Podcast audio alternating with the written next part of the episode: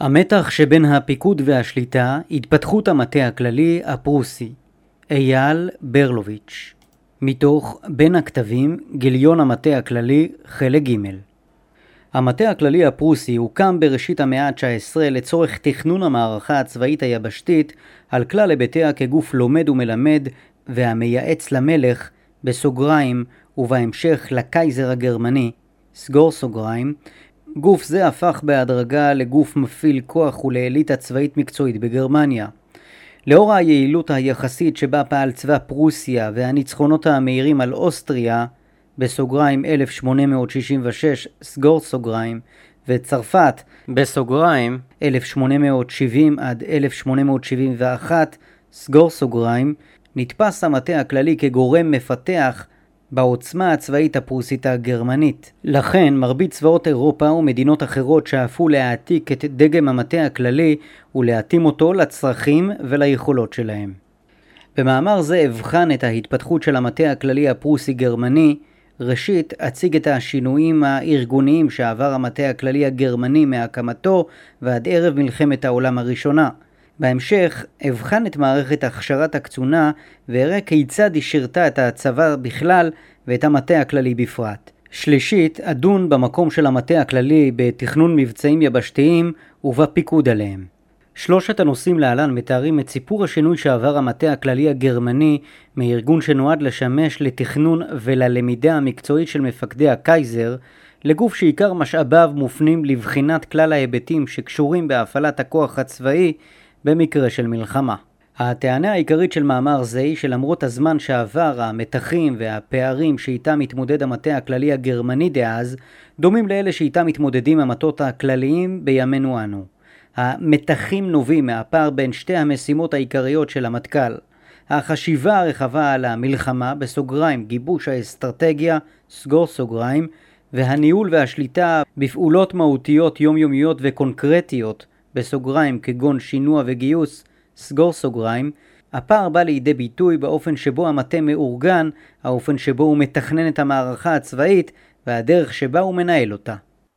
השינויים הארגוניים במטה הכללי הגרמני תחילת רעיון המטכ"ל מצוי בוועדת הרפורמה לארגון מחדש של צבא פרוסיה שהוקמה בשנת 1807 כשנה לאחר התבוסה שנחל צבא פרוסיה מידי נפוליאון בקרב אינה.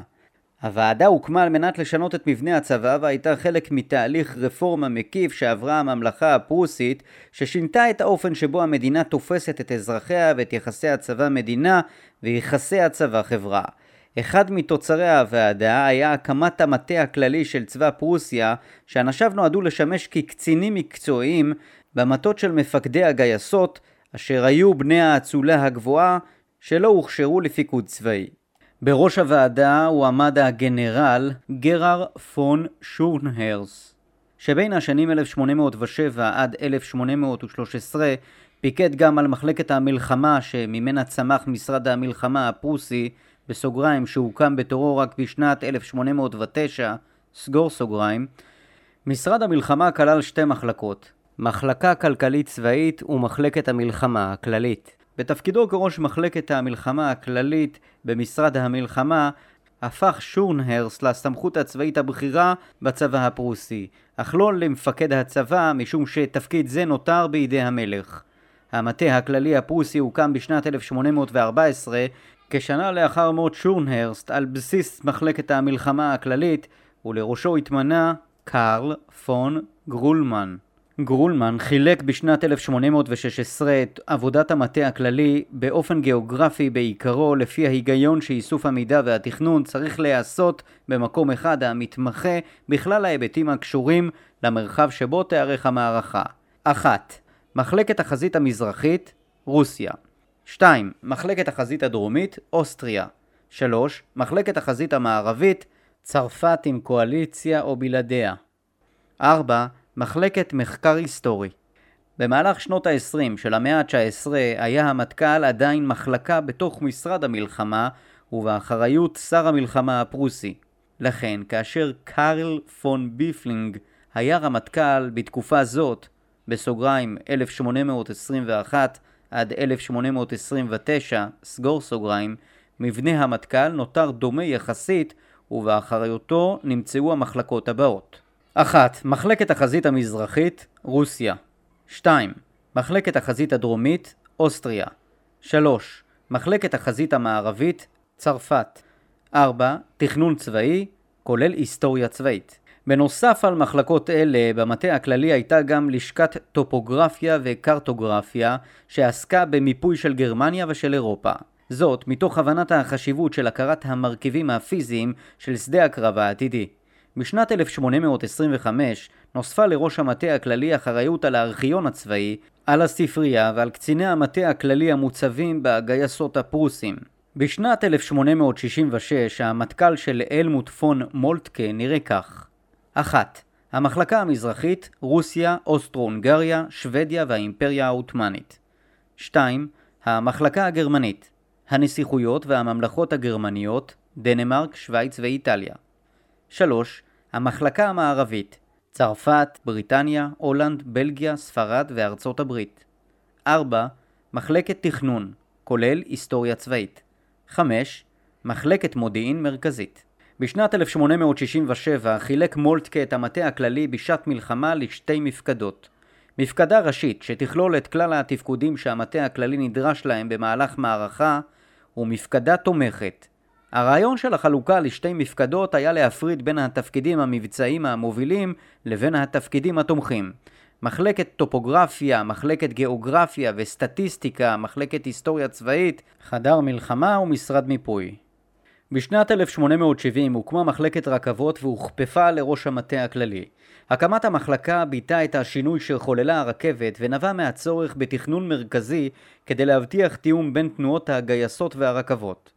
אפשר להקבילה במידת מה להקמת חילות אוויר או מפקדות גייסות שריון במאה ה-20 או להקמת גוף מטה לעיסוק בסייבר במאה ה-21. יש לציין שמחלקת ההיסטוריה הייתה שווה במעמדה למעמד אגף מטה בשל החשיבות שראו הפרוסים בניתוח היסטורי של קרבות בעולם העתיק, למשל מחקר קרב קנאי שעשה אלפרד פון שליפן והשפיע על תוכניותיו לפני מלחמת העולם הראשונה. לאחר הניצחון הפרוסי על צרפת ואיחודה של גרמניה, הפך המטכ"ל הפרוסי למטה הכללי העליון של גרמניה ואחראי על המטות הכלליים של המדינות שהרכיבו את הקיסרות הגרמנית, בוואריה, סקסוניה ווורטנברג.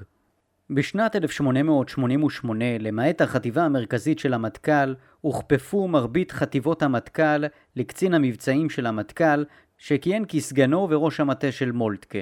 בשנת 1890 פוצל תפקיד קצין המבצעים של המטכ"ל לשלושה, בשנת 1894 היו במטה הכללי ארבעה קציני מבצעים ללא מדרג ברור ביניהם, ובשנת 1910 נוסף קצין מבצעים חמישי. מבנה המטה הכללי העליון עד מלחמת העולם הראשונה היה כדלהלן 1. בפיקוד ראש המטה הכללי א', החטיבה המרכזית שכללה את הענפים האחראים על ארגון, ניהול כוח אדם והמנהלות של המטה הכללי. ב. שירות התקשורת ג. היסטוריה צבאית עכשווית ד. המחלקה השישית תמרון 2. החטיבה בפיקוד קצין המבצעים הראשון א. המחלקה השנייה בסוגריים גרמניה סגור סוגריים ב. ענף תנועת הרכבות ג. המחלקה הרביעית בסוגריים מחקר ביצורים של מדינות זרות סגור סוגריים 3. החטיבה תחת פיקוד קצין המבצעים השני. א. המחלקה השלישית, בסוגריים, צרפת, מרוקו, בריטניה, מצרים ואפגניסטן, סגור סוגריים. ב. המחלקה התשיעית, בסוגריים, בלגיה, הולנד, שווייץ, איטליה, ספרד, פורטוגל, ארצות הברית והמושבות הגרמניות, סגור סוגריים. 4. החטיבה תחת פיקוד קצין המבצעים השלישי. א. המחלקה החמישית, בסוגריים, מחקרים מבצעיים, סגור סוגריים. ב. המחלקה השמינית, בסוגריים, אקדמיית המלחמה, סגור סוגריים. 5. החטיבה תחת פיקוד קצין המבצעים הרביעי. א. המחלקה הראשונה, בסוגריים, מדינות סקנדינביה, רוסיה, איראן, האימפריה העות'מאנית ומזרח אסיה. סגור סוגריים. ב. המחלקה העשירית, בסוגריים אוסטרו-הונגריה ומדינות הבלקן, סגור סוגריים. 6.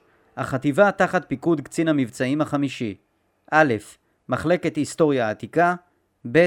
הארכיון הצבאי השינויים הארגוניים במטכ"ל הגרמני מראים את המתח המובנה בתוך ארגון שמחד גיסא אמור לבחון בעיות בצורה רחבה ומאידך גיסא לתת פתרונות נקודתיים וטכניים כגון גיוס ושינוע.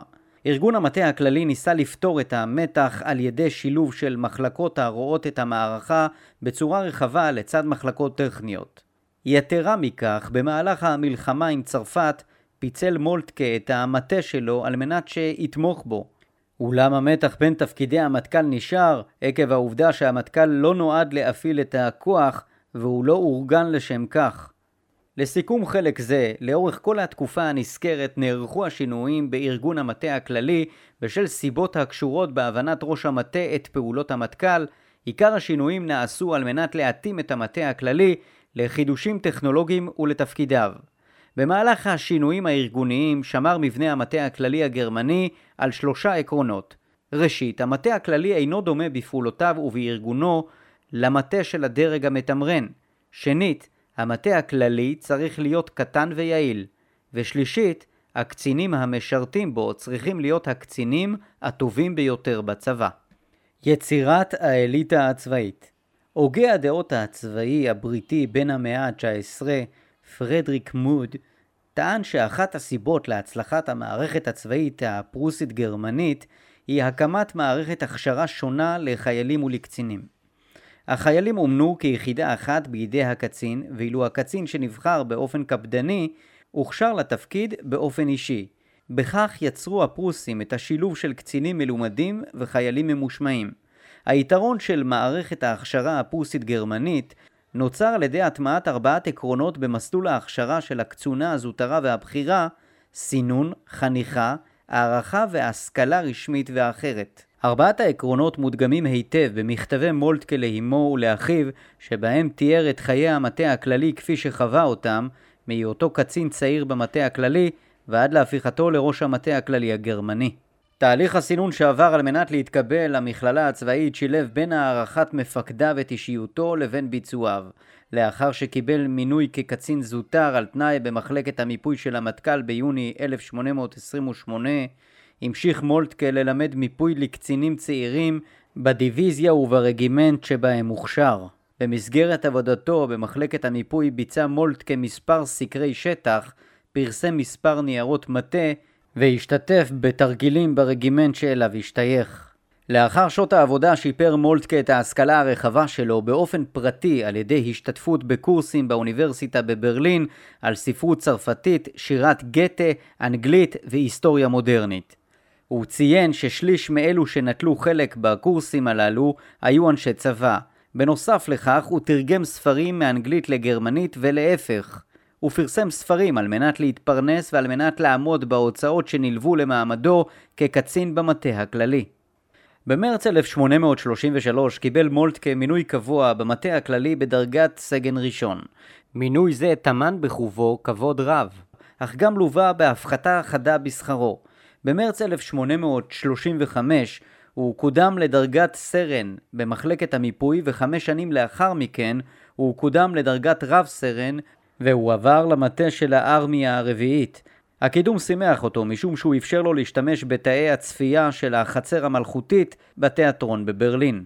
בשנת 1848 מונה מולטקה כראש המטה של הארמיה הרביעית ובשנת 1850 הוא קיבל דרגת סגן אלוף ומונה לשליש האישי של הנסיך פרידריך וילהלם. שנה לאחר מכן הוא עלה לדרגת אלוף משנה. בשנת 1856 הוא עלה לדרגת תת-אלוף, ושנה לאחר מכן הוא מונה לראש המטה הכללי בפועל, שכלל באותה עת 50 קצינים בלבד. בכך, לפני הפיכתו לראש המטה הכללי, חווה מולטקה מהיותו קצין זוטר עד להיותו מפקד המטה הכללי, אין את החיים במטה ואין את השירות ביחידת השדה. החוויה האישית שמולטקה עבר מסמלת את אחת הרפורמות העיקריות של ועדת שורנהרסט, אשר קבע כי הקצונה אינה זכות מולדת לבני המעמד העליון. כמו כן היא מראה את הצלחת הרפורמה של שר המלחמה הפרוסי גרולמן שטען שתפקיד המטה הכללי הוא לספק למפקדי הצבא הכשרה מדעית המשלבת ידע תאורטי, ניסיון מעשי, אופי ופיתוח מחשבה עצמאית. לשם כך גרולמן קבע מדיניות של מעבר קציני המטה הלוך ושוב בין המטה הכללי ובין יחידות שדה ובין הוראה במכללת המלחמה הפרוסית.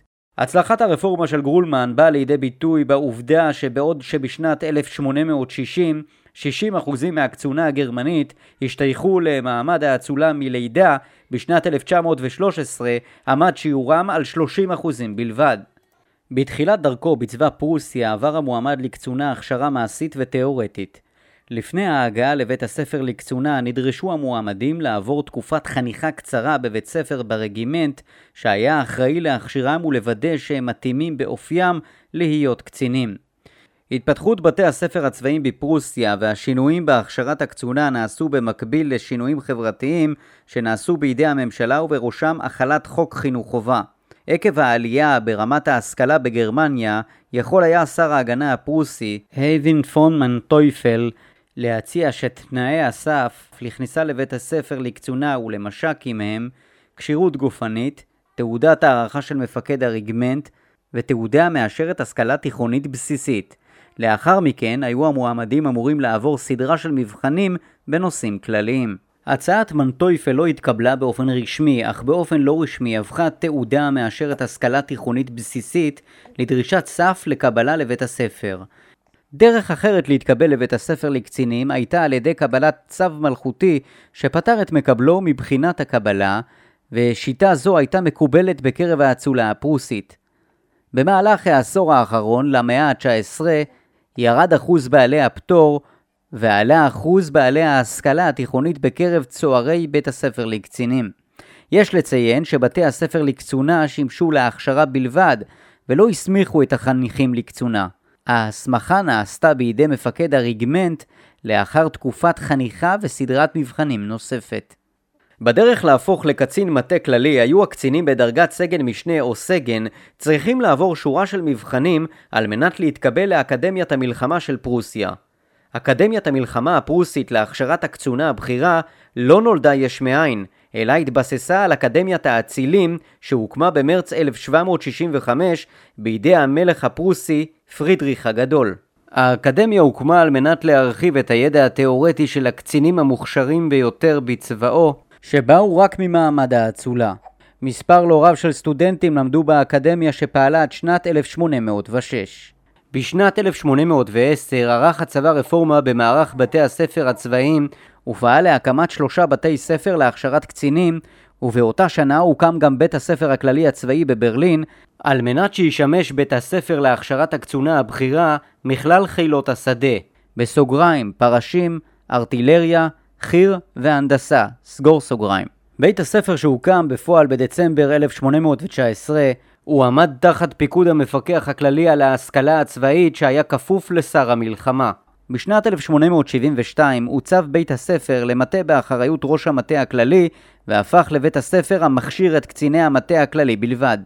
החניכים המצטיינים של אקדמיית המלחמה היו מסופחים למטה הכללי הגרמני לתקופה של בין שנתיים לשלוש. במהלך לימודיהם הם היו עורכים בקיץ סקרי שטח וסיורים, ובחורף היו מסופחים לאחת ממחלקות המטה. חלקם היו משתתפים בסיורי המטה הכללי שנועדו לאמן את קציני המטה הכללי הקבועים ולבחון חלק מתוכניות המלחמה של המטה הכללי.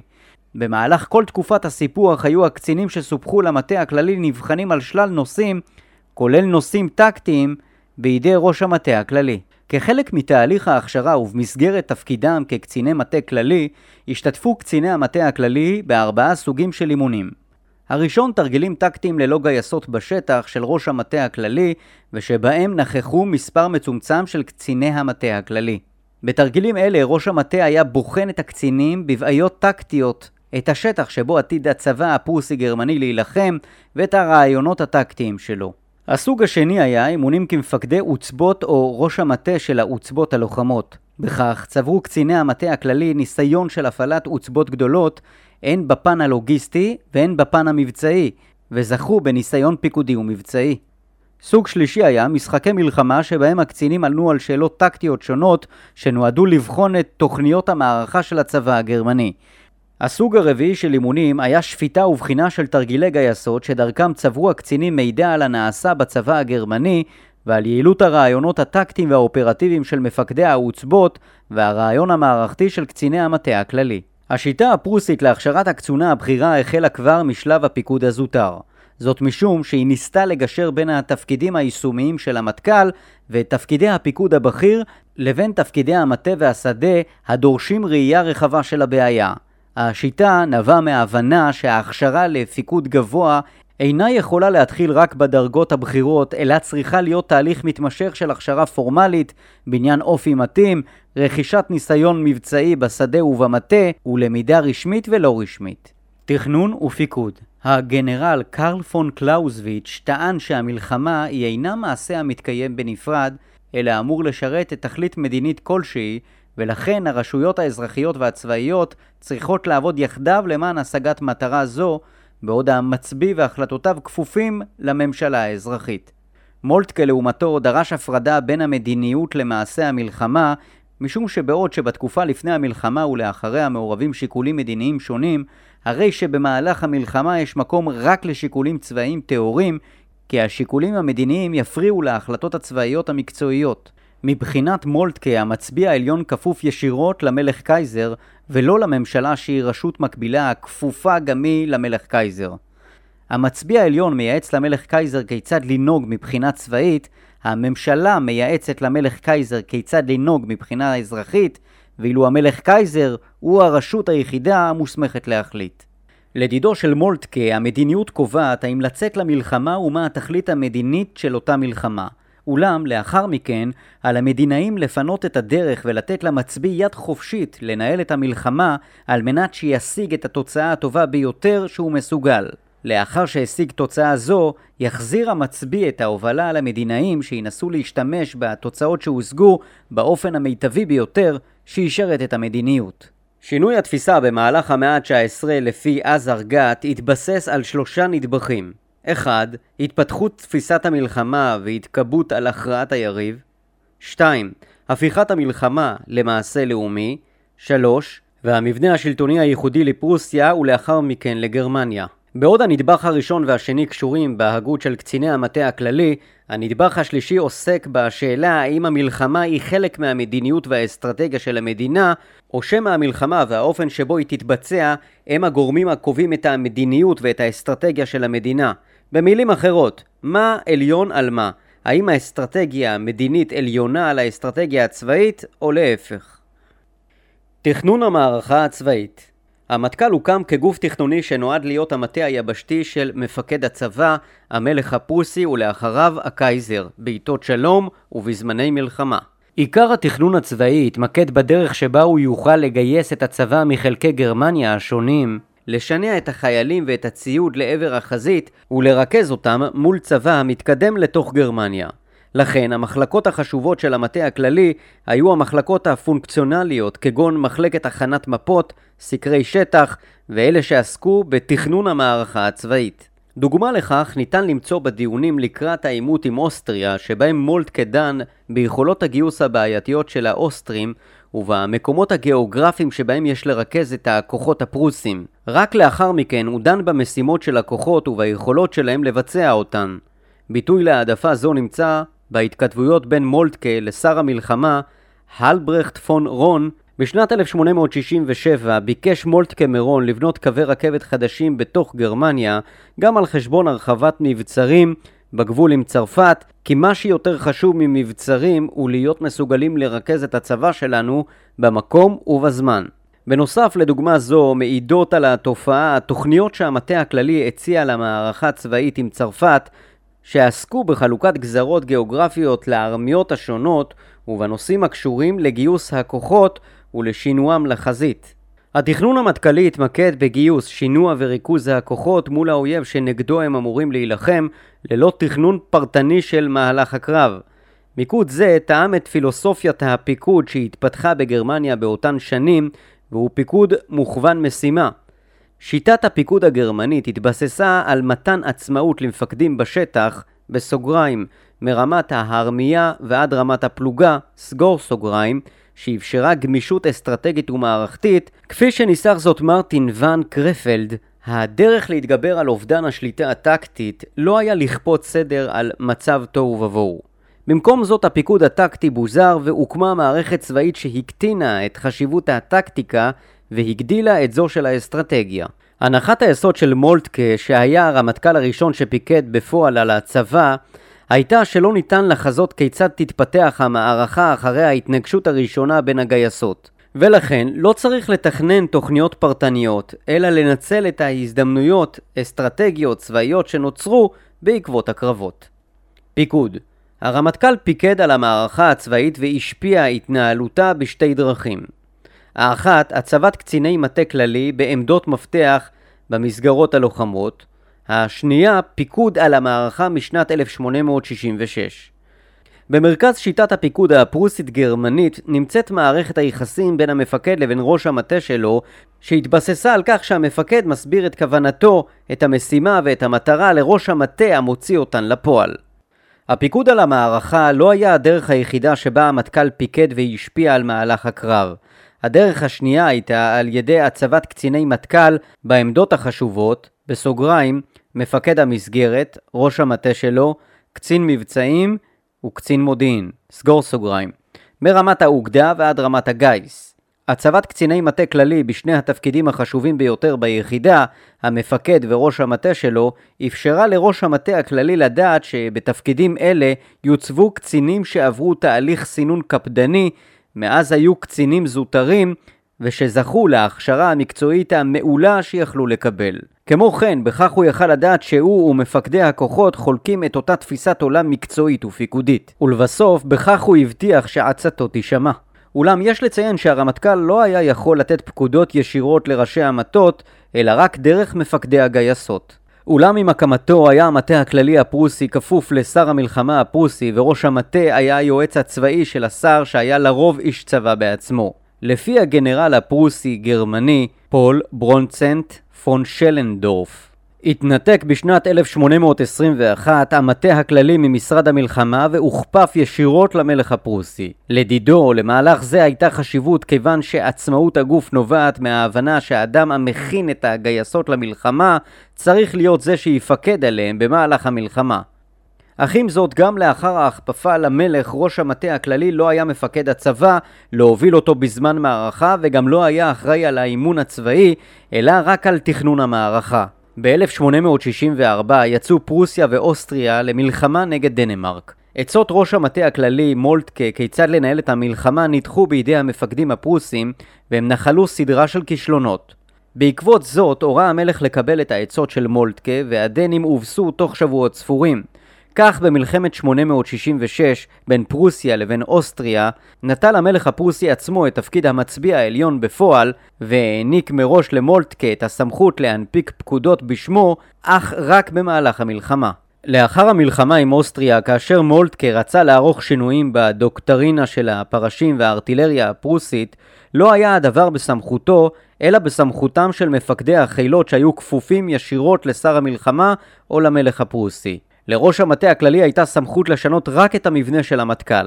במלחמת 1870 עד 1871 נגד צרפת, שוב הוסמך מולטקה לפקד ישירות על הכוחות בשם הקייזר, ובשנת 1883 קיבל את הזכות לדון עם הקייזר ללא צורך בקבלת רשות מאף גורם ממשלתי.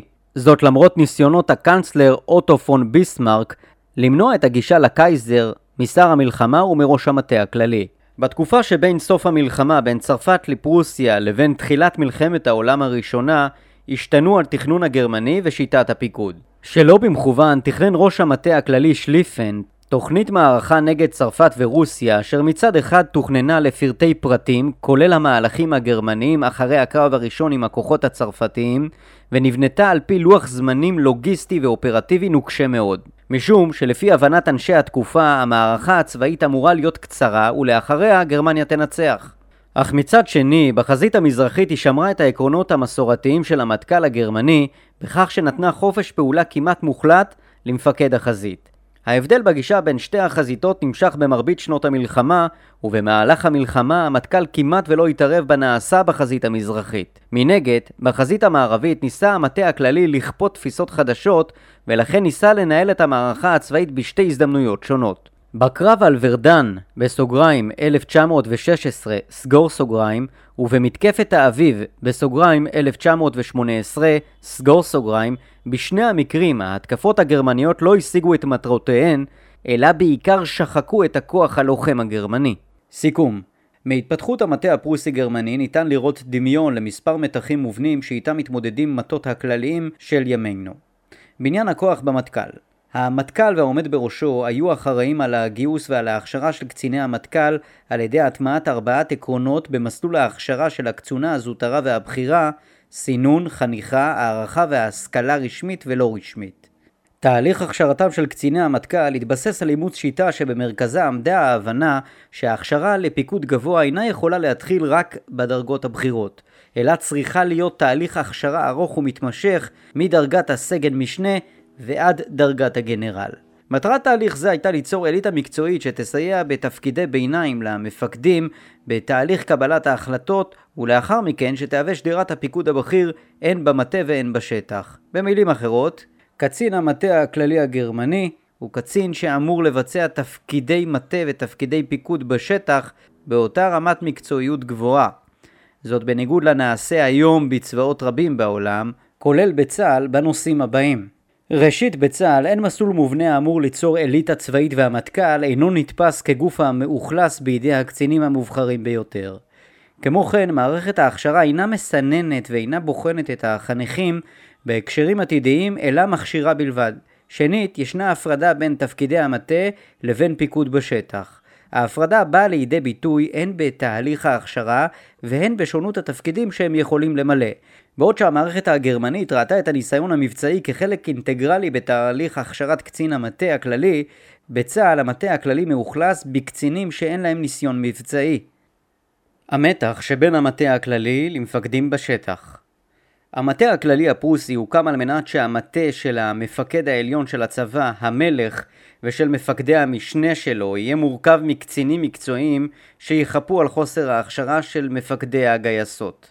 במהלך המאה ה-19 וה-20 קציני המטה הכללי היו אלו אשר פיקדו על המסגרות הצבאיות הגדולות ובכך נוצר מצב שבו מפקדי השדה ואנשי המטה הכללי היו חלק מאותה אליטה מקצועית, דבר שהיה אמור לחזק את הקשר בין המטה הכללי לבין המפקדים בשטח. יתרה מכך, פילוסופיית הפיקוד הגרמנית דגלה בהאצלת סמכויות לדרגי המשנה.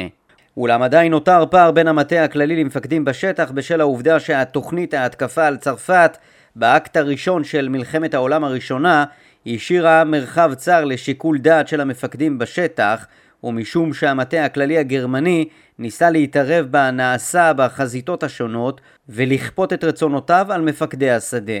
מתח זה עדיין צץ ועולה מעל פני השטח גם במערכות שצה"ל מנהל כפי שניתן ללמוד מהמחקר של מרטין ון קרפלד על דפוסי הפיקוד הישראלים במלחמת ששת הימים ומלחמת יום הכיפורים, מדוח וינוגרד וממחקרים שונים שנעשו בנושא זה.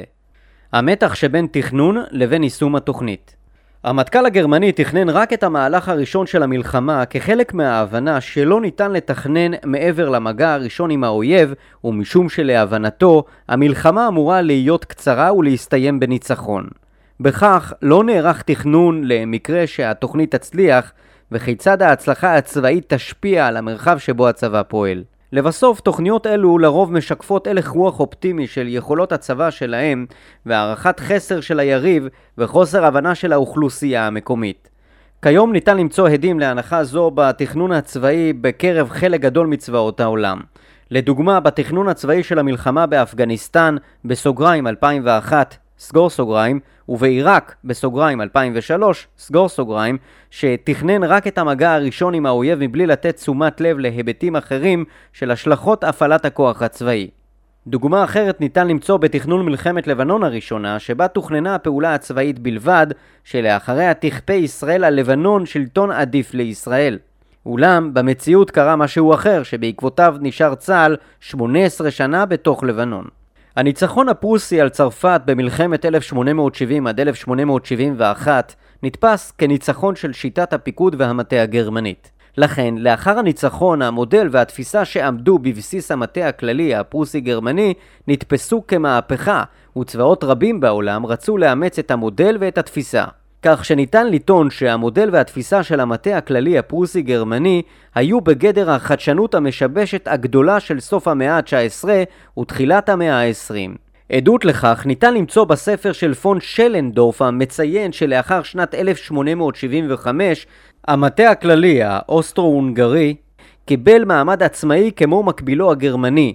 ברומניה הוקם מטה כללי לפי הדגם הגרמני בשנת 1866 ולאחר המלחמה עם צרפת בשנת 1871 נערכו בו התאמות נוספות שנועדו לקרבו למודל הגרמני. המטה הכללי העות'מאני הוקם במהלך שנות ה-80 של המאה ה-19 על פי המודל הגרמני, ובשנת 1898 אורגן המטה הכללי האיטלקי באופן הדומה למטה הכללי הגרמני.